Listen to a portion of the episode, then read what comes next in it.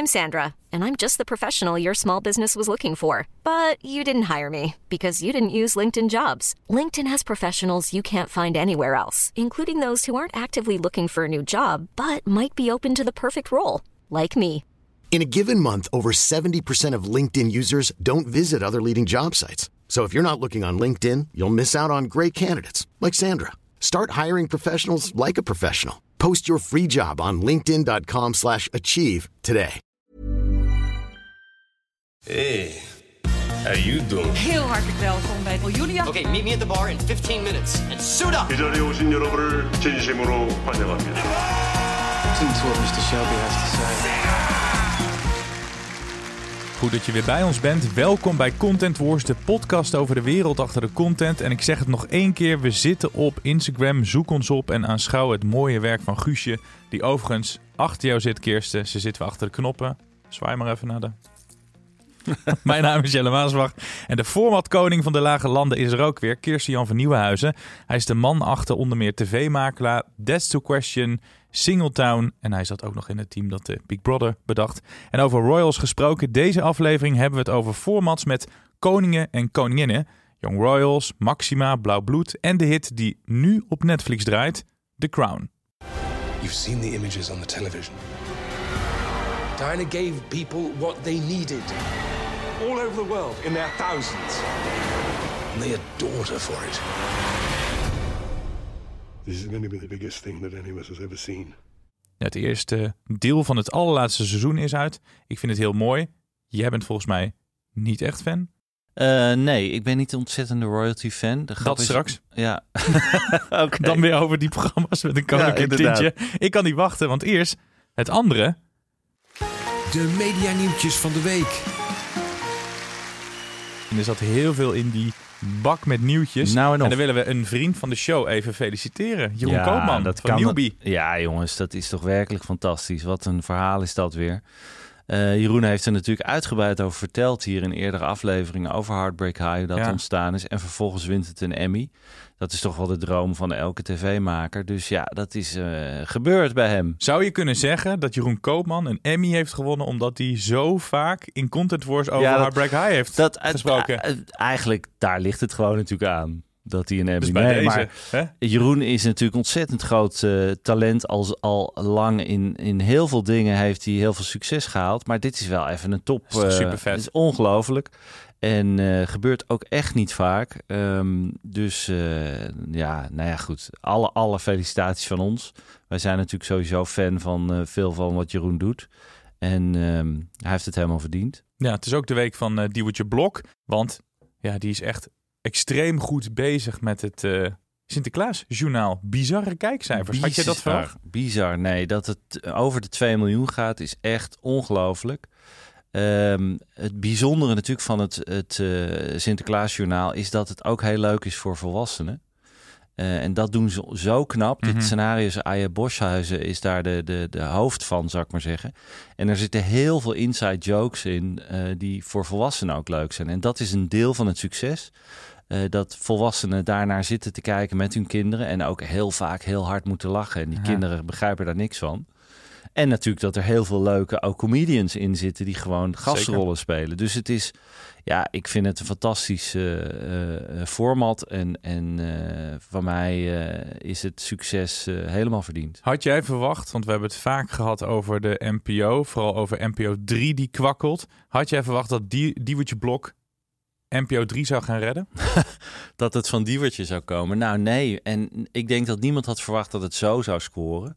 Maar je merkt dat het toch gewoon eh, iets, iets raakt bij mensen om toch elk jaar met hun kinderen en hun kleinkinderen. Want ik begreep ook dat er opa's en oma's zitten ook te kijken. Mhm. Gewoon eh, heel gezellig voor de tv elke dag naar het eh, journaal zitten te kijken. En het Sinterklaasjournaal. En ja, dat ze toch elke, elk jaar weer iets weten te verzinnen wat mensen heel leuk vinden in het verhaal. En je bent warm gedraaid. We hebben genoeg complimenten uitgedeeld. Ja. Laten we het hebben over de zaterdagavond van de RTL. Ja, we kunnen niet eh, aan complimenten blijven, want eh, ik, we moeten daar toch even over hebben hoe eh, op dit moment RTL de zaterdagavond in elkaar laat storten.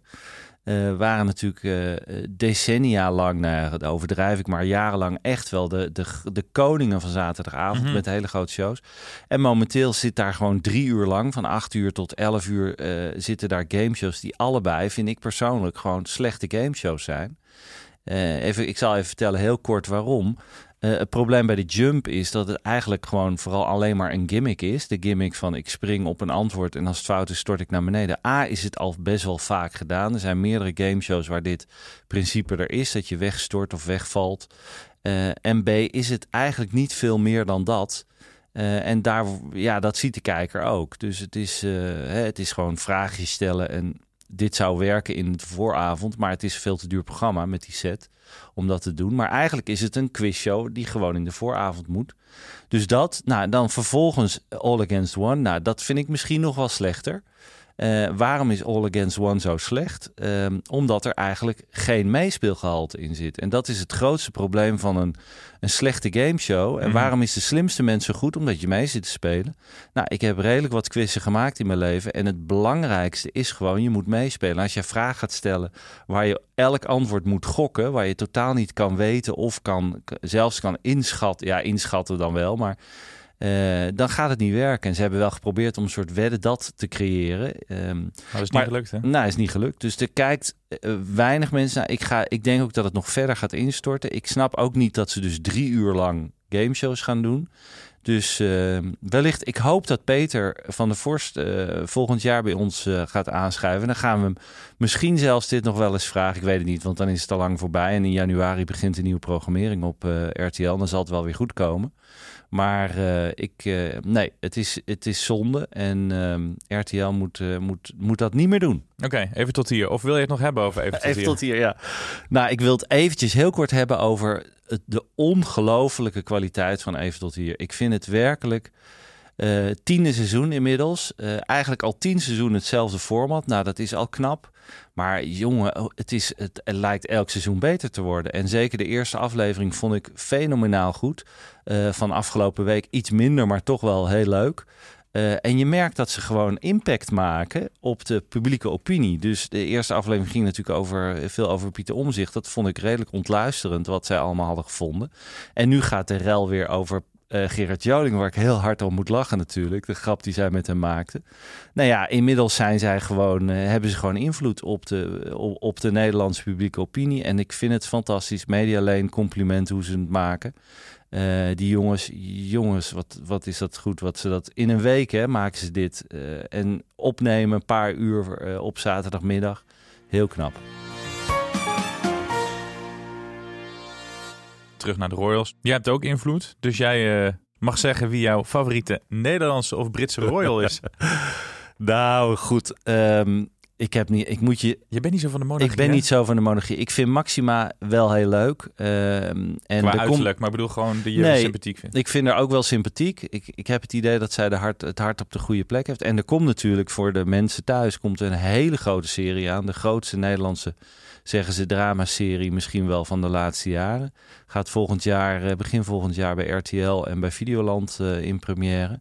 Ehm, nee, ik, ik heb wel een zwak voor Maxima. Ehm, en, ehm, en die Engelse Royals vind ik ook wel leuk. Wat jij overigens niet wist, ik, ik ben niet zo van de Royals, maar ik heb wel een format ooit bedacht voor de EO. En dat heette de Grote Royalty Quiz. Oh, echt? Dus eh, waar toch een paar seizoenen van eh, gelopen heeft. Ehm, die hebben wij bedacht eh, destijds. Dus we hebben wel wat met royalty. Ja, als je de Ehm, knaak aan kan verdienen. als we er iets aan kunnen En, verdienen. eh, ja. Was dat een eh, succes? Want het heeft toch een paar seizoenen eh, gelopen? Volgens mij heeft het drie seizoenen gelopen, even uit mijn hoofd, weet ik niet meer precies. Maar dat was een quizshow en het ging inderdaad over royalty.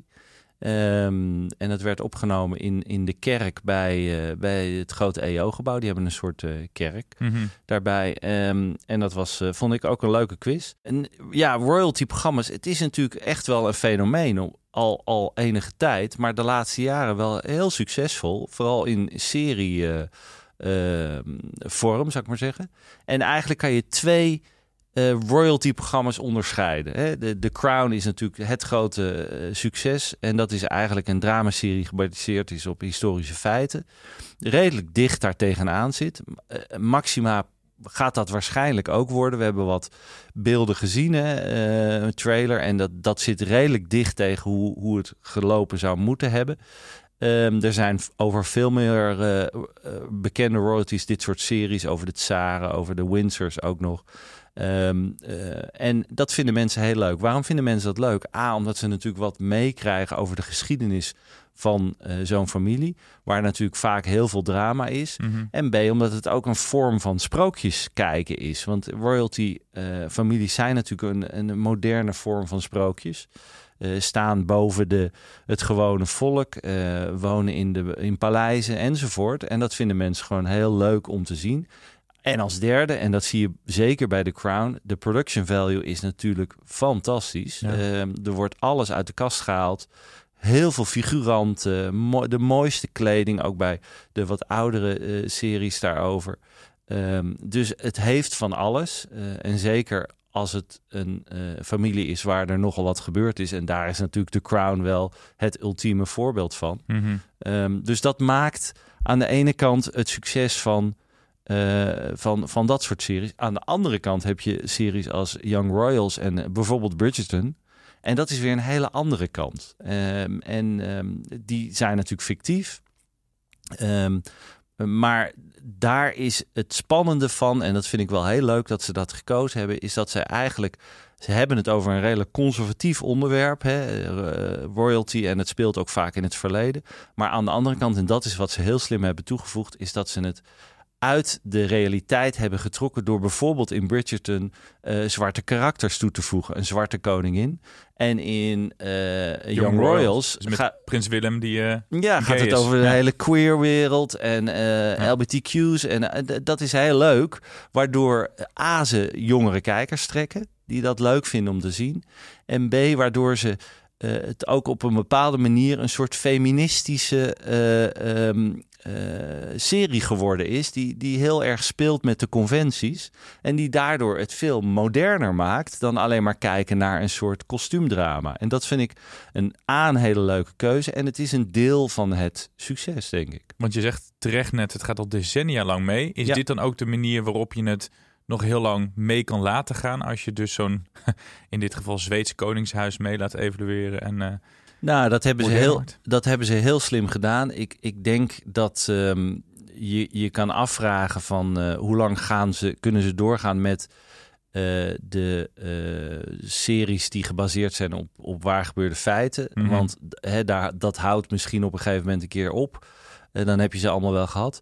De series à la Bridgerton en Young Royals. Ja, ik denk dat daar voorlopig nog wel wat van gaat komen. Je, je ziet ook nog series als Vikings, wat natuurlijk ging over... wat ook gebaseerd is op waar gebeurde feiten overigens. Wat sommige mensen niet weten, maar waar echte... eh, eh, Noorse koningen ehm, worden eh, besproken, zou ik maar zeggen. Ehm, en dat zit wel iets verder van, van de feiten, omdat het zo lang geleden is, weten ze dat niet precies. Maar heel veel van die karakters zijn gebaseerd op, op echte Noorse vikingen en koningen. Ja, daar zou je nog misschien nog wat mee kunnen gaan doen. En, en misschien nog ook wel andere werelddelen. Dan denk ik aan Genghis Khan of aan eh, Aziatische of, of misschien Afrikaanse koningen. Dus daar zit echt nog wel eh, de, de, de nodige eh, mogelijkheden. Nou, zo'n koningshuis onderhouden is een dure hobby, maar een serie erover maken ook. Dat bewees The Crown. Ik zag dat het tussen de 100 en 130 eh, miljoen euro per seizoen kostte. Ja. Netflix heeft dus zes seizoenen gemaakt. Valt jou dat mee of tegen, dat bedrag? Eh, nee, dat valt me.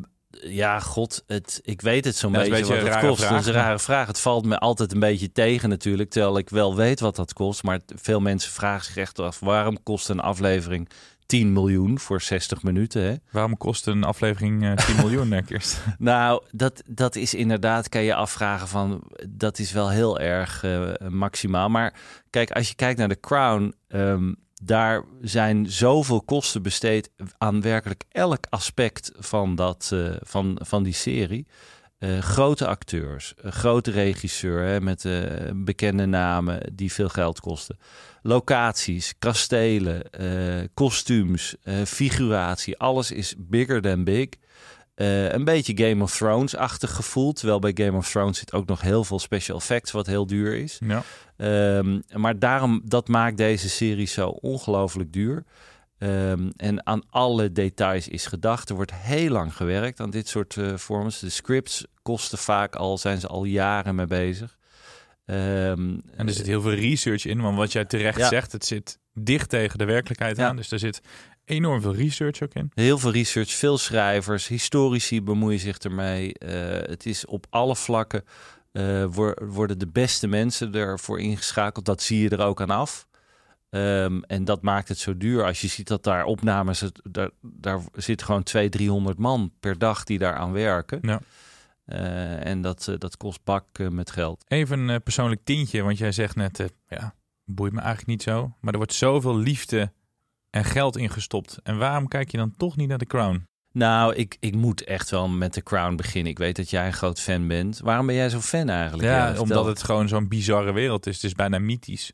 Ja. Vooral dat Britse Koningshuis. Het zijn natuurlijk een stelletje gekken bij elkaar. Helemaal hier in Nederland ook. We hebben echt een, een bier drinkende de koning. En die, die kerel ziet er niet uit. Uh, Maxima is echt een, een aanwinst. Maar het is ook een beetje een gekke bende bij elkaar natuurlijk. Een, eh, een foute opa heeft hij hier gehad. Nou en of, dat blijkt wel. Het is een soort van, het is al een serie op zich. Helemaal het Nederlandse Koningshuis, maar ook die, die, die Britten. En ik wilde dat toch zien. Ik had ook niet verwacht dat het me zo greep. Maar je ziet gewoon dat er zoveel aandacht en geld tegenaan is gegooid. Het is echt mooi, uh, mooi gemaakt. Nou, daarom moet ik, kijk, puur professioneel gezien, moet ik, het, moet ik het ook gaan kijken. Ik wil het ook gaan kijken. Ik ga het ook kijken, dat beloof ik je bij deze.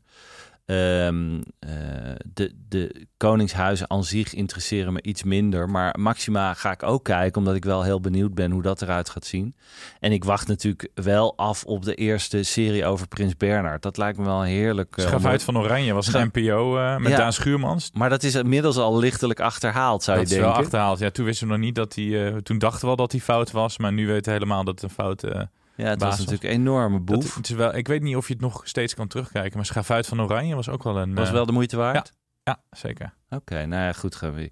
Ja, nou, er zijn gewoon heel veel fans voor dit soort uh, programma's. Um, vooral aanvankelijk wat oudere. En werd altijd wel gezegd van het is een wat oudere doelgroep. Maar wat ik al eerder zei, met, mm -hmm. met series als Bridgerton en, en Young Royals hebben ze echt een jonge doelgroep aangeboord. Mijn dochter van 21 kijkt ook naar Bridgerton. En is natuurlijk gewoon een hele lekkere serie.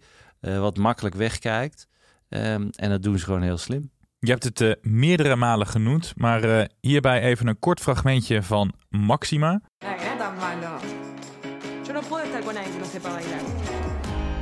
Hi. Buenos días.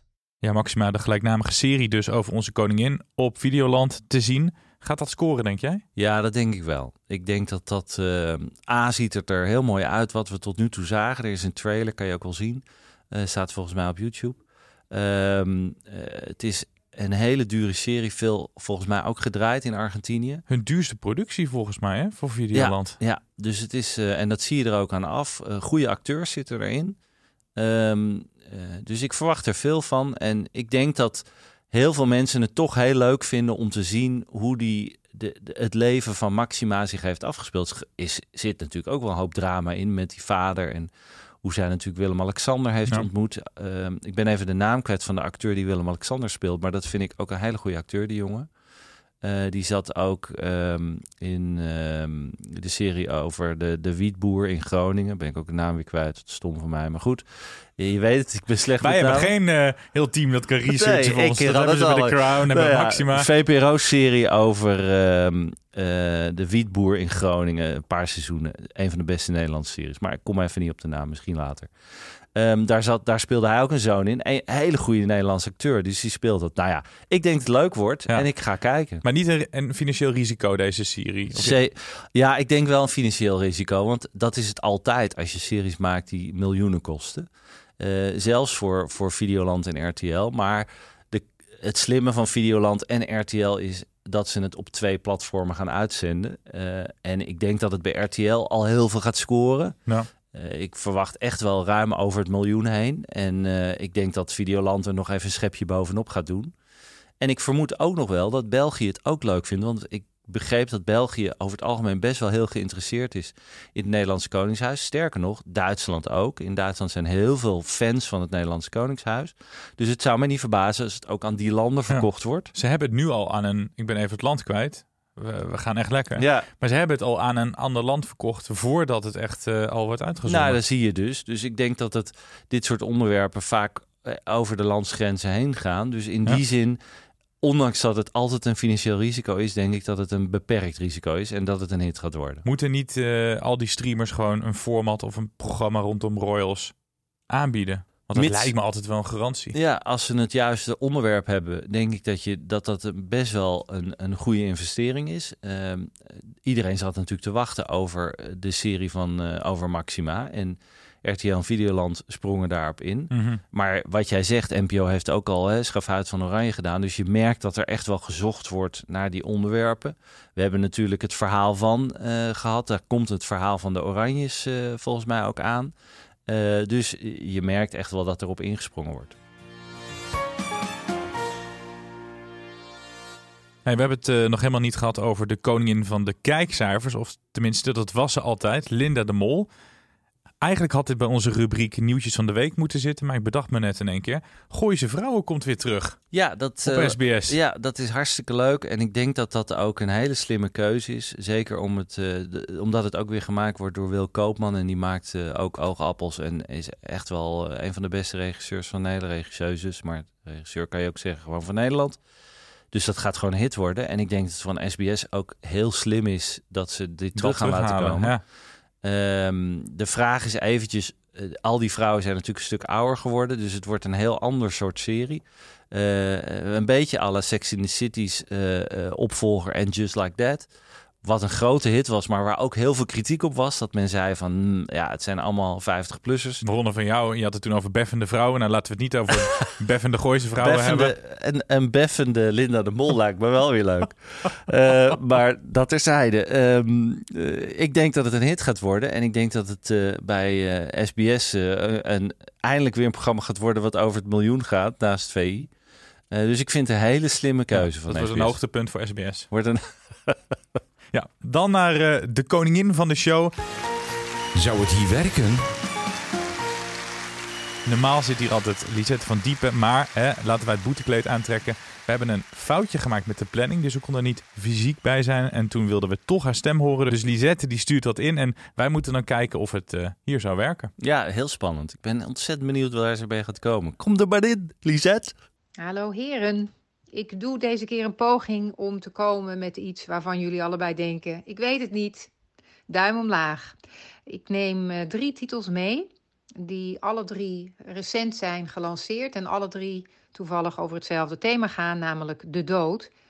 In Nederland hebben we natuurlijk eh, de prachtig gemaakte Over mijn lijk en Je zal het maar hebben titels. Eh, die zijn zo goed en zelfs die reizen niet heel veel, want rondom dit onderwerp ziekte en zeer is het gewoon heel lastig. Die worden internationaal gewoon niet heel veel verkocht en aangekocht. Uh, maar ik heb meegenomen voor jullie allereerst uit Zweden het laatste woord. Dit is een interviewformat waarbij een allerlaatste interview met een celebrity wordt afgenomen. En waarin hij of zij officieel de laatste boodschappen kan geven. Alles wat hij of zij nog wil zeggen en wil nalaten kan uh, aangeven. Want het wordt natuurlijk uitgezonden na het overlijden van die persoon. Het is een adaptatie van een Deens format. Uh, in Zweden zag ik de allereerste aflevering en daar zat een 78-jarige zanger en liedjeschrijver in die in oktober overleed na hartfalen. En dus recent in november is uitgezonden op TV3 in Zweden. En even los van het lastige onderwerp is natuurlijk in dit geval ook heel lastig programmeren als zender. Als zender want je neemt hem op, het interview, en dan moet je afwachten wanneer je het kan uitzenden. Dus je kan hem niet wekelijks uh, in de schema's zetten. Maar dat is het laatste woord. En dan uit België een mooie docu-serie op VRT, gemaakt door De Mensen. Het productiebedrijf dat we natuurlijk al eerder hebben besproken hier in Content Wars. Dit format heet Het Laatste Portret. En daarin is een bekende fotograaf te zien die prachtige fotoseries maakt van vier personen die weten dat hun leven zeer binnenkort zal eindigen. Nou, is recent gelanceerd met hele mooie cijfers en het werden natuurlijk ontroerende portretten. Dat is het laatste woord, het uh, laatste portret. En dan uit een hele andere hoek komt Chili. Uh, met iets ja, heel dramatisch. Het heet ook Het Vage Vuur. Het is officieel een Latino talkshow met spelletjes er ook in. Maar waar we naar gaan kijken, twee uur achter elkaar en, en, en geloof ik 21 weken lang. Zijn uh, beroemdheden die bij aankomst in de studio een oefening doen. Waarin ze hun dood en de aankomst in het vage vuur proberen voor te stellen. En het programma zal al hun acties uh, op aarde beoordelen. En samen met het publiek gaat besloten worden wie het geluk heeft gered te worden en het paradijs uh, mag betreden. Um, of, die, of wie helaas na, naar de hel gaat, het vage vuur in. En dit programma zit, uh, zoals je verwacht, boordevol met uh, drama en emotie, want Latijns, Amerikaans. En ik zag toch ook heel veel comedy. Er zitten allerlei rare spelletjes in. Het is een live uitgezonden programma met mooie cijfers in Chili op kanaal 13. Dus bij deze, ik heb het vage vuur en het laatste portret en het laatste woord. Het laatste woord is voor jou, Kirsten Jan. Ja, een niet zo vrolijk thema, de dood. Ja. Uh, en, en, en zij denkt duimpjes omlaag. Wij willen haar natuurlijk helemaal niet op afstand een duimpje omlaag geven. Uh, maar laten we het even hebben over die formats over de dood. Hoe, hoe kijk jij naar dat soort programma's? Nou, de dood is een heel lastig format om, uh, of een onderwerp, sorry, is er nog geen format, een heel lastig onderwerp mm -hmm. om formats over te maken. En er zijn natuurlijk een, een paar voorbeelden geweest wat, waar ze wel succesvol in zijn. Over mijn lijk is daar misschien een van de beste van. Um, prachtig gemaakt programma. Ik weet dat er bij John de Moor ooit een idee is geweest om, uh, en daar hebben ze ook een pilot van gemaakt. Dit is jouw begrafenis, waarbij iemand werd aangekondigd dat hij overleden was. En um, ik meen ook dat niemand wist dat dat ook niet zo was. Dus iedereen dacht ook echt dat ja, hij overleden was. En dan zat hij stiekem mee te kijken hoe zijn begrafenis en wat mensen over hem gingen zeggen. Althans, ik weet dat dat het basisidee was. En iedereen was altijd benieuwd. Ik ben benieuwd wat mensen over mij gaan ja, zeggen op mijn ben begrafenis. Dus ook wel benieuwd naar. Nou, daar Ja. ging het over. En het idee was, ik weet niet of het zo is uitgevoerd, maar ik vind het nog steeds wel een prikkelend idee, dat wij dus gingen aankondigen, nou Jelle Maasbach is overleden, verschrikkelijk. Iedereen natuurlijk heel erg verdrietig. Die komen allemaal naar jou begrafenis en jij zit stiekem mee te kijken op een camera gewoon en mee te luisteren wat iedereen eh, over jou vertelt. En komt aan het einde Hey! tevoren, ik ben er nog. Of dat Ja. mensen zeggen, nou ja, gelukkig hebben we Kirsten Jan in ons leven gekregen. Die is eigenlijk veel leuker. En dan moet ik alsnog, dat is wel Dat was het risico natuurlijk, dat mensen, maar goed, gebeurt zelden. Eh, dus dat, dat vond ik altijd toch wel een prikkelend format. Is er volgens mij nooit gekomen, vond men te ver gaan. Heb jij Maar- wel eens aan zo'n soort format gewerkt? Eh, ja, we hebben eh, heel veel. Ik weet dat veel creatieven geprobeerd hebben om iets te doen met de dood. Omdat het altijd. Het is gewoon een heel interessant en, Zeker. en, en prikkelend onderwerp. Alleen je merkt dus dat, het, dat heel veel zenders ook het heel eng vinden om formats over de dood te gaan commissionen. Ehm, omdat het eigenlijk altijd relatief droevig is. eh, meestal wel, als het goed is. Eh, en dus lastig, ze vinden het een zwaar onderwerp. En ik heb nog weinig formats gezien waarin er op een grappige, feel-good, leuke manier omgegaan wordt met de dood. En daar zou wel, een, eh, daar zou wel ruimte voor kunnen zijn, overigens. Laten we eens eh, naar wat leukers gaan. Naar je binge tip. Nou ja, leuk. Ik weet niet of je een leuke tip hebt. Eh, ik, heb een, ik heb een binge-tip ehm, ehm, van eh, de NPO Plus, Engelse serie, ehm, die ik echt wel de moeite waard vind. Natuurlijk weer een BBC-serie, want Ja, NPO, altijd, ja. ja. NPO heeft, heeft, Night Channel 4 heeft ook goede series overigens hoor, maar BBC en NPO hebben een soort deal dat NPO heel veel series van de BBC mag en eh, HBO Max overigens ook. Veel BBC-series komen ook op HBO Max. Maar goed, dat terzijde. Deze serie heet The Capture. Ehm, en The Capture is een, eh, een echt een, een, kwalitatief weer topserie uit eh, van de BBC. Hele spannende serie over. eh, het gaat eigenlijk over de mogelijkheden, AI-mogelijkheden van CCTV-camera's. Ehm, en eh, echt spannend. Dus ik zou eh, je aanraden als je NPO Plus hebt, ga gewoon de Capture kijken. Eh, niet hele bekende acteurs zitten erin, maar het is gewoon weer heerlijk wegkijken. De Nou, mooi. Capture, ja. Gaan we kijken. Dit was Content Wars voor deze week. Volgende week zijn we er weer. En dan hebben we Justus Verkerk hier.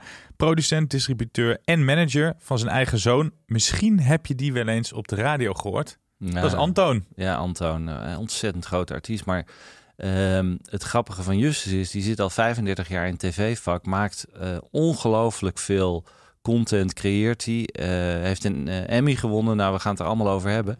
En wordt vervolgens eh, een aantal jaar geleden de manager van misschien wel een van de succesvolste, als hij het niet is, Nederlandse artiesten.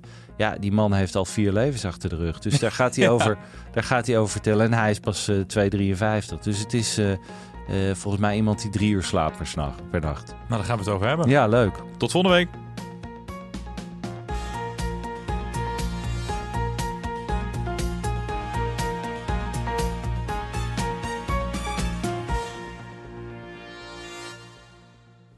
Ben jij content met deze content? Vergeet je dan niet te abonneren op Content Wars. Planning for your next trip? Elevate your travel style with Quince. Quince has all the jet setting essentials you'll want for your next getaway, like European linen, premium luggage options, buttery soft Italian leather bags, and so much more. And is all priced at 50 to 80% less than similar brands. Plus, Quince only works with factories that use safe and ethical manufacturing practices. Pack your bags with high-quality essentials you'll be wearing for vacations to come with Quince. Go to quince.com slash pack for free shipping and 365-day returns.